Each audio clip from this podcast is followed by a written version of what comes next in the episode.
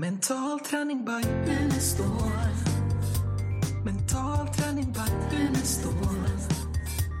Mental träning by Unestål. Jaha, välkommen till podden Unestål Education. Och idag så har vi två celebra gäster här. Hans Singmark, du ska få presentera dig själv snart. Jan Pilotti, du är eh, nog välkänd för en del av lyssnarna eftersom du har varit med en gång tidigare. Två tror jag till och med. Ja, just det. Kanske. När vi pratar om kvantfysik. Ja, en gång. Mm. Och eh, nu ska vi prata om ett område som i och för sig berör det, men som framförallt berör alla människor kan man säga. Eftersom ni ska prata om någonting som alla människor kommer att uppleva. Nämligen döden. Och eh, det borde ju intressera alla eftersom alla ska vara med om det. Mm. Så att eh, det kommer säkert bli en stor lyssnarskara. Och ni som eh, blir så intresserade att ni vill veta mer, ni kommer att få reda på en, en kurs som ni kommer att ha lite senare i höst. Men eh, vi startar med den här podden då och får ni komma in på kursen i slutet av den. Eh, Hans, ska du presentera lite? Ja, det kan jag. Jag kan börja med ja, Hans Singmark heter jag. Eh, jag är till yrket eh, läkare eh, och specialist eh, inom eh, lungmedicin och internmedicin. Och jag jobbar som överläkare på, på Halmstad sjukhus. Ja. Det är min bakgrund. Just nu är du i Skövde hörde jag. Ja, nu eh, den här veckan, jag är till och från är jag i Skövde och arbetar också så att eh, de, de behöver hjälp emellanåt. Men min eh, hemmahamn så att säga, det är Halmstad sjukhus. Ja. Jan, kan du säga någonting om de som inte lyssnade sist? Ja, eh, lite kort. Eh, Jag är pensionerad läkare, barnpsykiater. Jag kan säga lite kort då att jag började min akademiska studier med matematik och teoretisk fysik och då, slutet på 60-talet, då var jag helt övertygad om naturvetenskapliga materialistiska världsbilden. var självklar.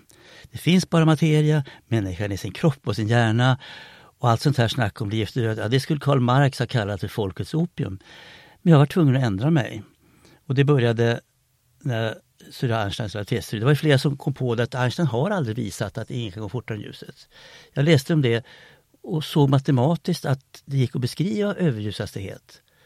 Och det skakade om hela min världsbild kan man säga. För att då finns ju materia, för att sakta ljuset, ljuset förstås, och så finns det någonting bortom ljuset. Vad är det? Och dessutom behövde man sex dimensioner, ännu konstigare, jag visste inte vad det var.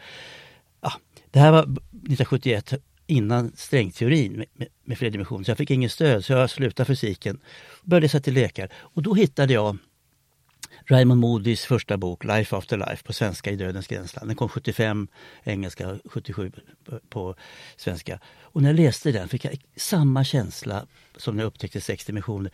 Det finns någonting mer i tillvaron än vad jag lärt mig i skolan. Så började jag titta på det, träffade Kerstin Wistrand, vi hade ett seminarium Medvetande och döden på Karolinska institutet. Det kom jättemycket folk faktiskt. Sen blev det en bok, Medvetande och döden. Eh, om när döden fenomen och utomkroppsliga upplevelser. 1982 kom den ut. Det var ja. en antologi. Så. Men det jag vill säga nu är att jo, det var lite föredrag och så. Men det hände inte så mycket. Ja, Göran Grip kom in, han lyssnade på oss, han översatte böcker men det blev ingen större rörelse. Och så för några månader sedan berättade Kersti om Hans Singmark. Och jag såg en intervju med honom och läste den studie som han har gjort, för att berätta om er sen. Mm. En jättebra studie med metoder och, och trycker på bra saker. Och det var det som fångade mycket var det här, den snabba förändringen, får jag berätta mer om sen, som de här människorna upplever. Och det som jag tänkte nu, att det behövs en person på varje sjukhus som kan det här. tänkte jag, ja nu kanske det är dags att sprida det här på ett bra sätt. Tog jag, tog jag kontakt med dig. Mm. Och sen har vi pratat på telefon och jobbat på den här kursen. Är så, i, i, kort, i, korthet. Precis. Och vi kan också säga att du eh, innan pensioneringen var du barnpsykiater här i, i ja. Örebro, också skolläkare. Ja. Och du är mental tränare och har använt det också i, ja, i ditt jobb, mm. även på skolan. Okej, vad bra. Då har vi lite bakgrund Mm. till det här. Eh, då lämnar jag ordet till er så får ni samtala om det som ni tycker är intressant när det gäller eller det ni vill att åhörarna eller lyssnarna ska få reda Mm. på. Ja, vad säger du Jan? Eh, Jag, jag är lite nyfiken på, jag har ju hört det, men jag tycker att hur du kom in på det här och gjorde studien och hur det gick till. Va? Ja. Det säger en del tror jag om ja, situationen. Ja, kan jag nämna kan väl börja med att säga att den här studien som eh, eh, den har många, flera år på nacken. Eh, Den publicerades nu den 23 januari i en amerikansk tidskrift som heter, jag får ta fram den där. Ja, ska vi se. Qualitative Research in Medicine and Healthcare. Um, en en eh, amerikansk tidskrift då, som tar in kvalitativa studier i, inom medicinen. Då. Ja. Och den, ja, den, här, den här studien den heter då Near Death Experiences and the Change of Worldview in Survivors of eh, Sudden Cardiac Arrest. Då. Och det är, en, det är en, en kvalitativ studie. Nära döden-upplevelser och den livsåskådningsförändring som de här människorna genomgår. Det är liksom vad, vad studien är döpt till. Då. Så. När börjar du med den studien? Ehm, den, den började, alltså tankarna kring den här studien, den, det kom 2014 så det, det är snart tio år sedan. mm. Ehm, anled- Hur kom det sig att du... Ja, eh, så här är det. Jag är nu dubbelspecialist, eh, internmedicin, lungmedicin. Va? Men när jag gjorde mitt ST-block, det är då fem år till att bli internmedicinare först och främst. Det var mellan 2012 till 2017 blir det då. Eh, jag blev klar i januari 2018. va. Då, då ingår det ett vetenskapligt projekt Ja. under de, de här åren. Och jag ville göra någonting som liksom grep mig. Va? Någonting som kände att det här, men jag, jag visste inte riktigt. Va? Och en, ehm, en, en dag jag pratade med min fru Katarina Orvedal om det där och då, då påminde hon om mitt intresse för nära döden-upplevelser. Eh, och- Det hade du varit intresserad av Ja, tidigare? jag har, ja precis. Ja, det, det är ett ämne som har liksom berört mig va, under livet. Eh, och så sa hon, det kan du inte göra en studie om nära döden-upplevelser? Och då tänkte jag, ja varför inte? Jag menar, jag är läkare, jag skulle kunna göra det. Va? Eh, och bara några dagar senare så eh, på lungkliniken där, där jag jobbar så var det en kvinna som eh, hade drabbats av ett hjärtstopp bara ett par dagar innan. Det här var en, en, en måndag, hon var svårt lungsjuk den här kvinnan. Ehm, och eh, hade fått ett hjärtstopp på helgen. Va? Och hon, ehm, hon låg i en ventilator alltså dygnet runt. Va? Ehm, en mask på sig så här va? och ehm, var ju väldigt, väldigt nära. Hon, hon hade fått en lunginflammation och i samband med det ett hjärtstopp. Då. Men på onsdagen så hade hon tagit av sig den här eh, masken Eh, alltså ventilatorn då. och sen så, eh, så säger hon spontant att, eh, att jag har sett ljuset. Va? Eh, och jag, jag, blev, jag blev så väldigt, väldigt tagen utav det där förstås. Va? Ehm, ut, utav den här eh, av henne så som person framför allt. Va? Eh, jag träffade henne på eftermiddagen och eh, då berättade hon om det att hon hade sett, alltså i samband med det här hjärtstoppet, sett ett roterande ljus va, som hon var på väg, var på väg emot. Ehm, och hon kände en total frid och ingen ångest och, och, och eh, kärlek. Va? Hon eh, var inte förvånad alls. Och så plötsligt så var hon i sin kropp igen. Va? Hon, hon berättade att hon var så fruktansvärt besviken den här kvinnan. Va? Av att vara tillbaka. Va?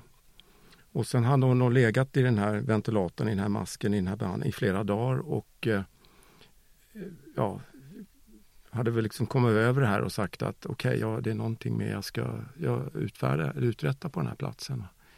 Um, och, och, och, och, det som var väldigt kännetecknande för, för henne också var den här liksom, orädslan för, för döden. Va? Alltså hon har berättat att hon har haft ångest hela livet men nu så hade hon släppt det helt och hållet. Och hon berättade också att, eh, att livet är viktigt. Va? Väldigt, väldigt viktigt. Och, Eh, men att döden är ingenting att vara rädd för. Så jag var väldigt fascinerad av henne. Och det här var bara tre dagar efter att, att eh, Katarina hade då sagt det här. Ja. Så det blev starten på en studie? Ja, det blev i alla fall tankar till det.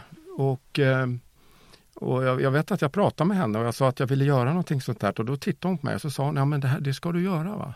Det, här, det ska du göra. Så den där kvinnan det? Den här kvinnan sa ah, det. Ja, hon sa det. Um, och det var då jag, jag tog kontakt med min chef då. Jag gick med det här ett par veckor och kände mm. att jag skulle göra någonting. Och då ville jag göra något. Och då så pratade jag med honom och, om det här. För jag sa så här till mig själv, jag gör inte det här om... Eh, jag menar det är ändå, det är utanför vårt... Alltså jag är läkare in, in, inom medicin och så vidare. Att, eh, jag sa det till honom att eh, jag, finns det risk att, jag menar min karriär och vad ska folk tycka och så vidare. Va? Men han sa så här, nej men okej okay, Hans, det här är lite grann i utkanten, det här ämnet. Det är inte det vanliga vi studerar, men jag stödjer dig.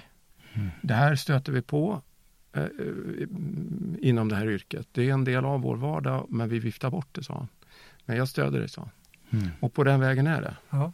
Och det här var 2014, ja.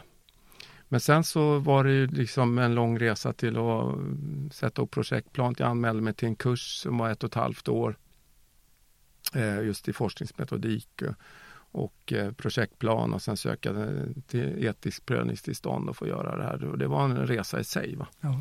Men så blev det ett godkännande så att i augusti 2016 så startade studien upp ja. där. Höll på några, ett par år?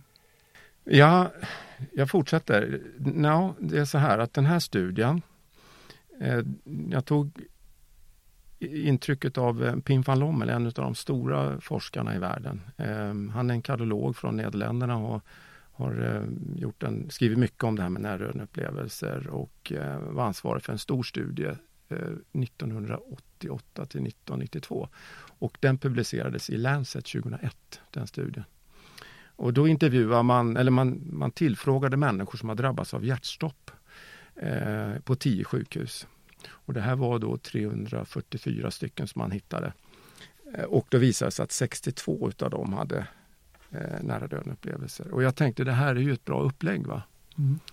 Så att eh, under ett år, ett års tid, augusti 16 till augusti 17, så eh, efter godkännande och allt det här så instruerades all personal på sjukhuset och i ambulans, ambulans, ambulanser, eller framförallt sjukhus, sjukhuspersonal, om att informera mig om det fanns någon människa som de vårdade som hade drabbats av ett hjärtstopp. Konstaterat hjärtstopp med eh, antingen e-, EKG-övervakning, telemetri alltså, eller eh, de, defibrillator. Då.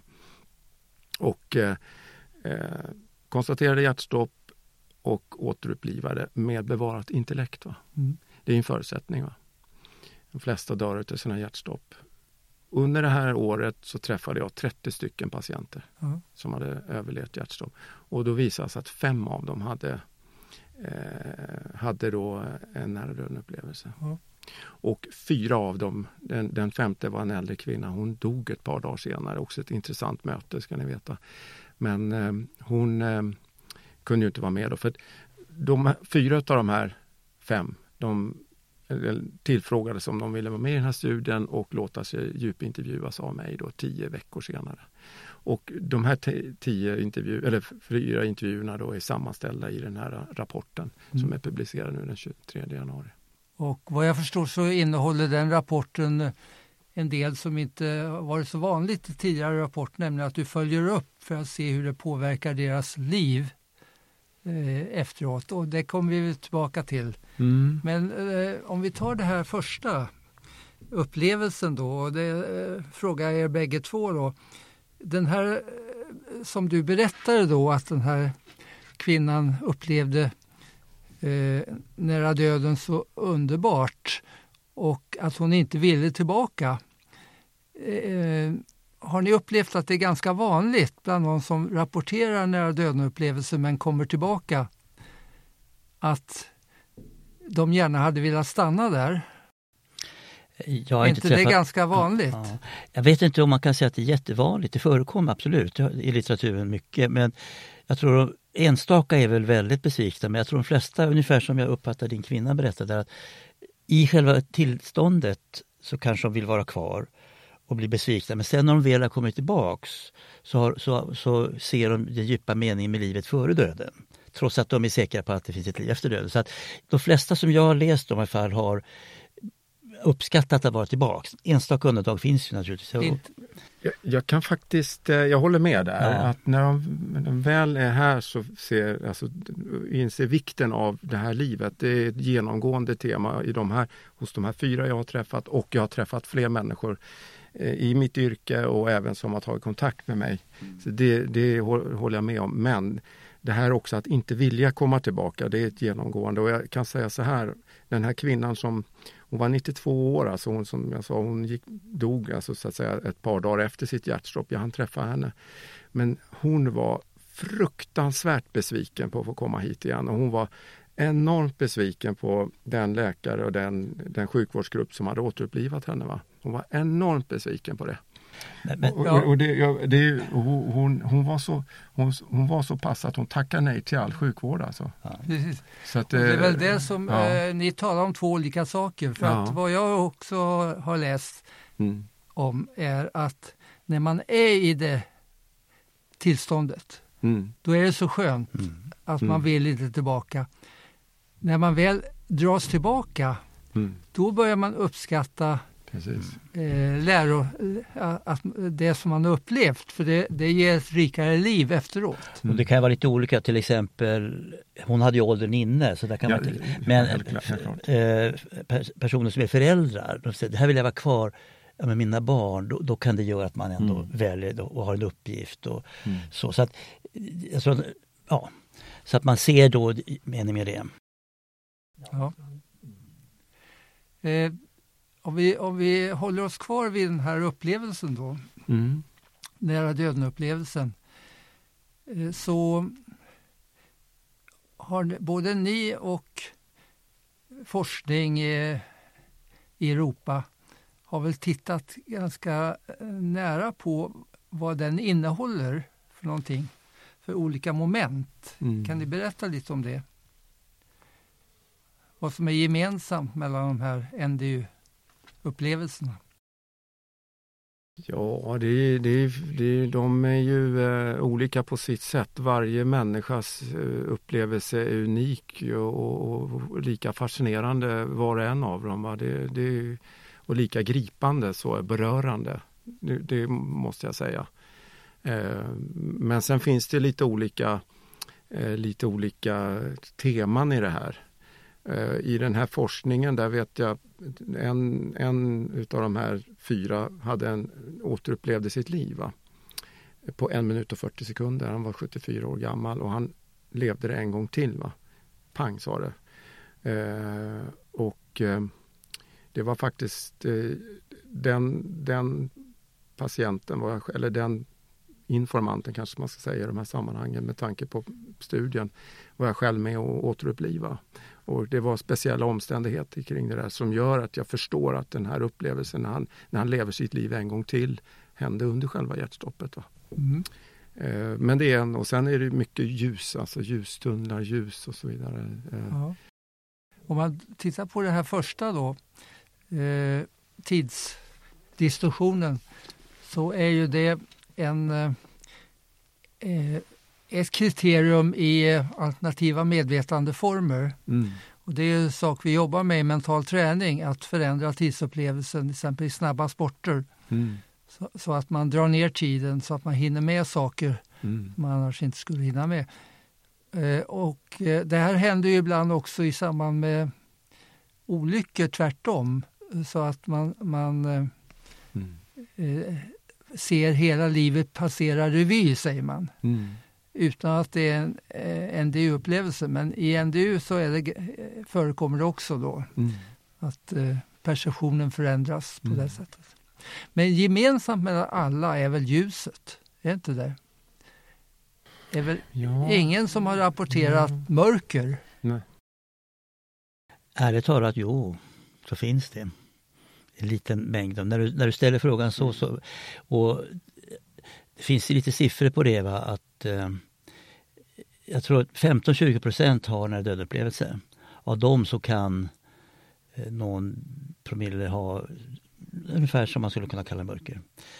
Faktiskt. Så det förekommer. Det, det är inte så mycket bekant men det är mm. IANS, jag har inte sett på det själv. Och, mm. Men de som forskar på det i USA skriver om det på sin sida och diskuterar det. Så och där, Kerstin Wistrand träffar på eh, en kvinna och det kan jag nämna för man kan se samband där. Hon fick en känsla av att vara totalt ensam i hela universum och åkte ut i rymden och jätterädd. När Kerstin pratade med henne så visade det sig att den rädslan hade hon haft redan som barn. Rädsla för rymden. Så att man får nästan titta psykologiskt på det här. Va? Vad, är det för, vad, fin, vad har man med sig? Var hon kliniskt död? Eh, nej, det, det, tror jag inte. Nej. nej. Jag talar om de som mm. Ja, man jo, konstaterade det. Jo, men när det är de nära döden så tror jag att det förekommer enstaka exempel. Det det. Men det jag skulle vilja lägga till innan vi pratar, ja, det, man kan grovt dela in upplevelsen i tre typer. Det ena är den utomkroppsliga. Det är många som tycker att de svivar upp och ser det som händer och sen kan berätta saker som faktiskt stämmer. Sen kommer den här tunneln och så kommer en, en, en, transcendens där man upplever vacker natur, musik som man känner igen, döda släktingar och ljuset. Alltså att den strukturen är väl rätt vanlig. Sen, du frågar om alla ser ljuset. Jag tror att det finns grader i det där. Hur långt eh, upplevelsen går. Men strukturen som helhet tror jag är rätt lik. Sen finns det lite variationer på det. Då. Men är inte det gemensamma att eh, upplevelsen är så underbar att rädslan för döden är borta efteråt? Jo, för de allra flesta, absolut. Finns det någon som inte stämmer där? Som du har läst? Nej, jag har inte läst om Nej, någon. Ja, ja, alltså den här lilla gruppen där det är som, som de kallar för distressing nu, nu kom jag in på det. En del av dem har lite svårare än andra att hantera efteråt. Men det brukar gå, ja. Det, det, som sagt, det är väldigt lite känt om det. Men jag, jag stötte på det här om dagen på den här IANs hemsida så att det, det förekommer med en liten grupp. Och jag tror även de så småningom hanterar det hela med, med hjälp kanske. För att en, vad jag upplevt så har man tittat på vad den här forskningen har för, för nytta, mm. för positivt med sig. Förutom att forskning är positiv i sig, mm. så har jag upplevt att den största nyttan med NDU har varit att människor inte, när de hör talas om det här, så försvinner rädslan för döden. Mm.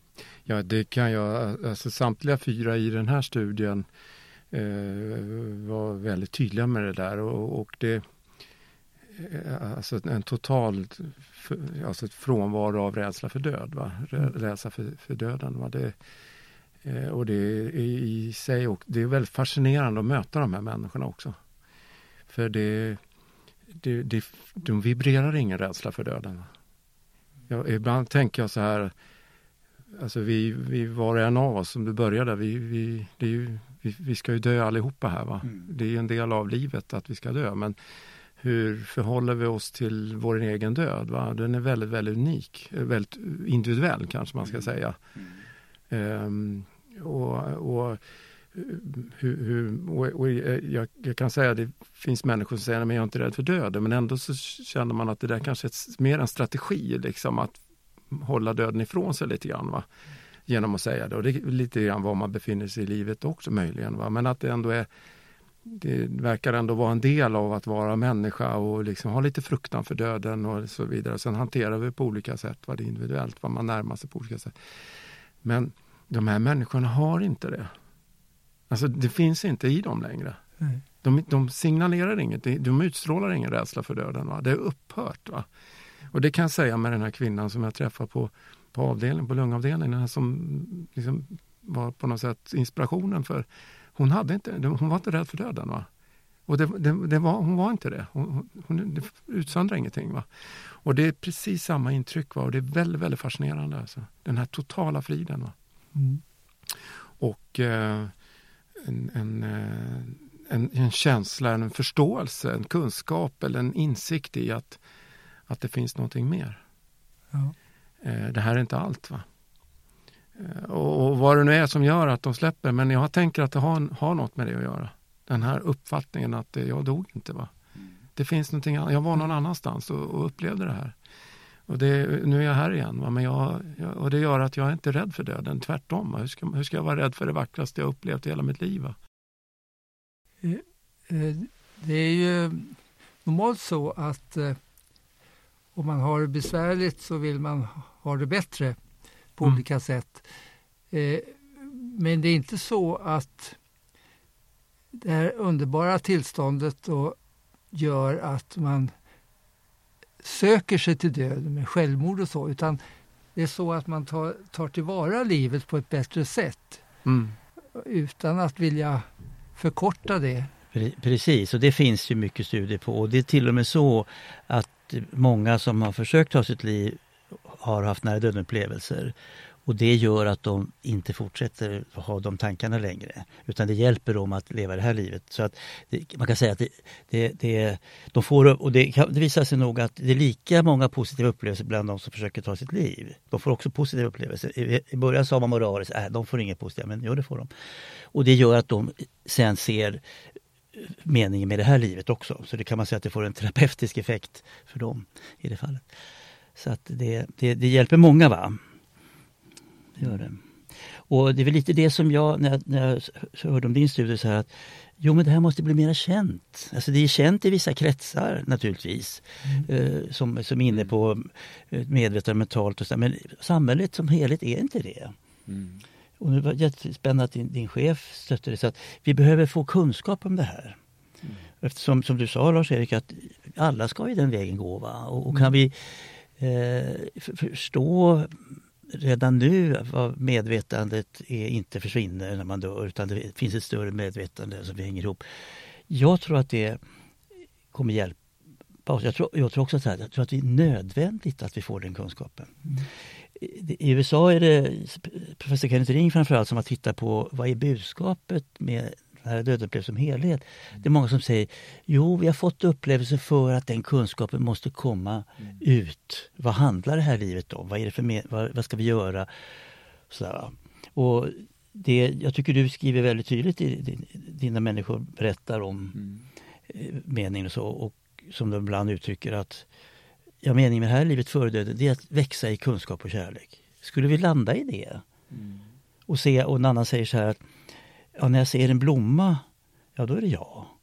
Och om jag tror att jag kan skada en annan människa utan att skada mig själv, då, då, då har jag fel. Alltså vi hänger ihop va?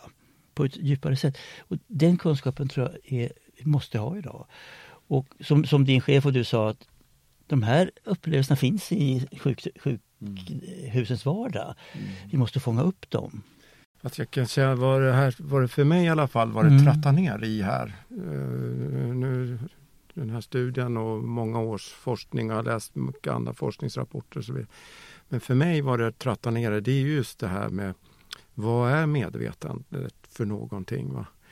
Är det fysiskt? Är det hjärnbaserat eller inte? Va? Det är den, för mig, jag, jag tänker att det, det var det liksom tratta ner i.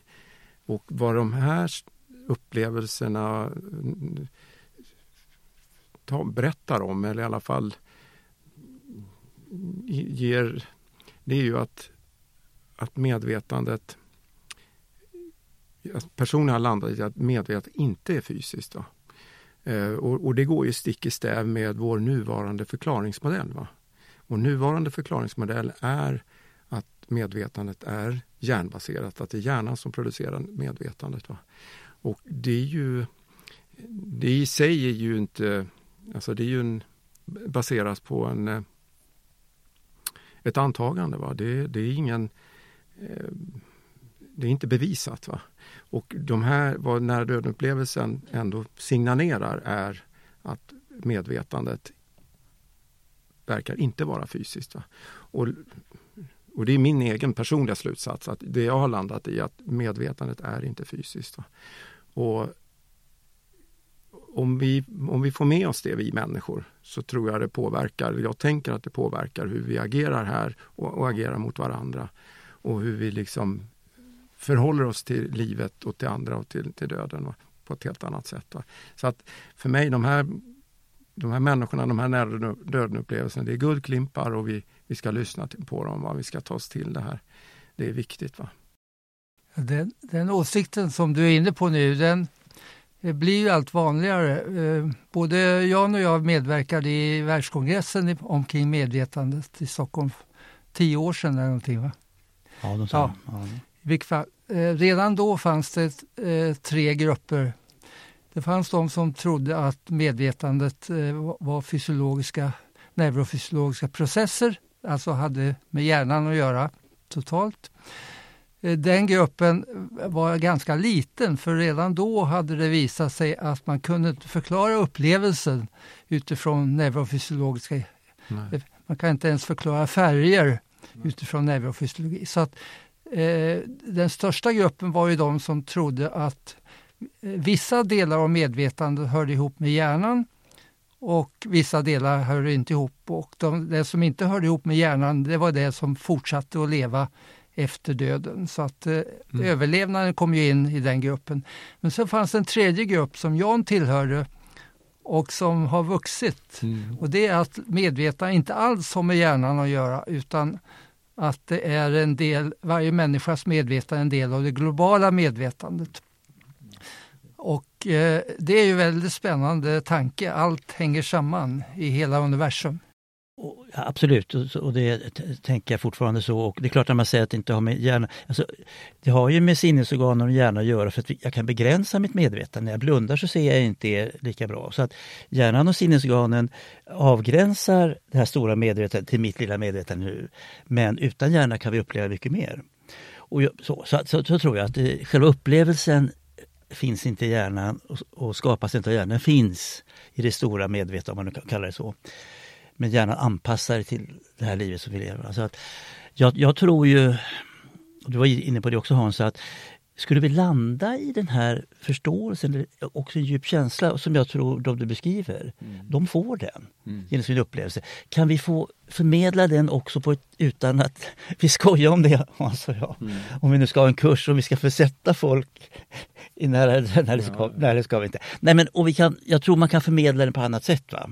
Jag fick ju en sån känsla med dimensioner upptäcka. Så att, berätta om de här upplevelserna och, och tala om att vi, vi, kan inte förklara det med hjärnan. Så. Mm. Det tror jag kan väcka människor att, för om det är sant som vi tror, för jag tror mm. precis som du, om det är sant då, då vet alla det någonstans. Mm. Men vi har blivit så indoktrinerade mm. av den materialistiska världsbilden.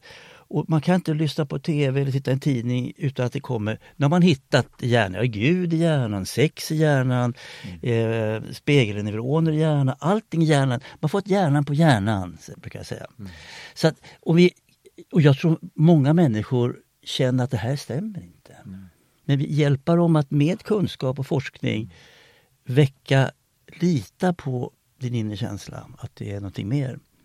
Ja, personligen så, det har vi pratat om tidigare, personligen, jag, jag tror vi är på väg in i ett nytt paradigm. Va? Det är att vi rör oss ifrån det här materialistiska förklaringssättet, va? Att, eh, den här hjärnbaserade mm, förklaringsmodellen. Jag, jag, jag, tror vi håller, är på väg att lämna det. Sen vet jag inte när vi, om och när och så vidare. Va? Men jag lever med en, en sån förvissning va? Att, det, att, det, att det är det vi, och att bevisningen eller hur det nu är, att det hopar sig och att vi liksom är på väg in i en, i en, en, en ny förståelse. Jag, det lever jag med i alla fall.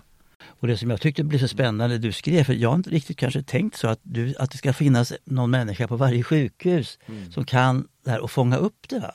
Mm. Och då, för mig blev det så här, för det vet vi, det är många som inte berättar för att de känner sig, de blir ifrågasatta. Det, har, det finns vittnet om att de berätta efteråt, jag vågar inte berätta för den och den. Så. Mm. Att vi kommer få fler som törs berätta. Och sen hade jag en tanke så här också, eller vi pratade om det, att finns det människor på plats som är öppna för de här 80 procenten som inte har någon upplevelse, eller som inte, som inte har berättat, inte minns.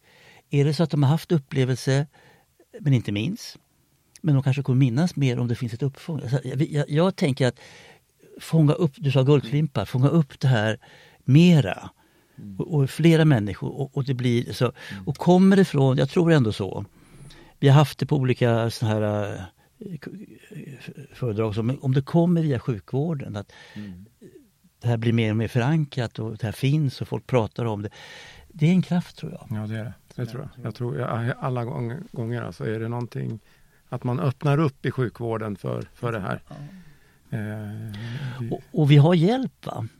Tror jag på olika sätt. Men jag kan lite, lite eh, för 25 år sedan så var det Christoph Koch, han är en av de namnkunnigaste eh, hjärnforskarna på Allen Institute, ett stort institut där de ska förklara medvetande. För 25 år sedan utmanade han David Chalmers som är en filosof som har satt det här svåra problem på kartan. Så han sa så här, om, det var 19 år, vad blev det, 88. Om 25 år ska vi ha hittat en liten krets i hjärnan som är en upplevelse. Det vadet avslutades nu i augusti.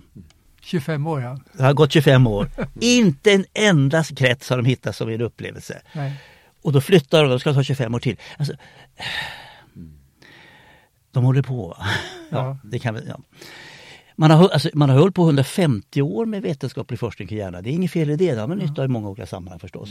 Men man har inte kommit ett spår närmare medvetandet. Och alla vet vi vad medvetande är genom vår upplevelse, men det är inte hjärnan. Ja. Så att jag tror att det är... Ja, för mig, jag, jag, för mig jag, jag, jag tänker så här också med det här med Jag är ju också uppvuxen i en materialistisk förklaringsmodell. Va?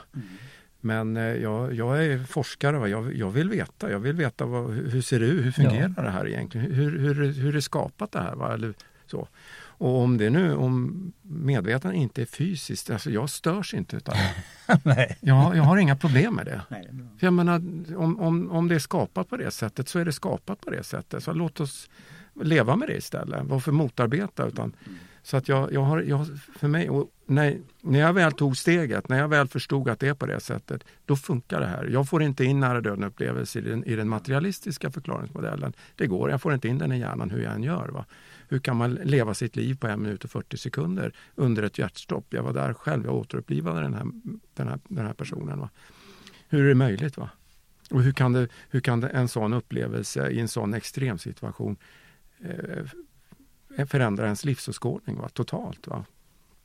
Till att liksom från, gå från en materialistisk förklaringsmodell till en, då en, en, en, en tro att, att, att det finns en, en, fortsättning. Jag har inga problem med, utan tvärtom, när, när man väl landar i att när medvetandet är inte fysiskt, ja plötsligt så, så får en sån här upplevelse plats.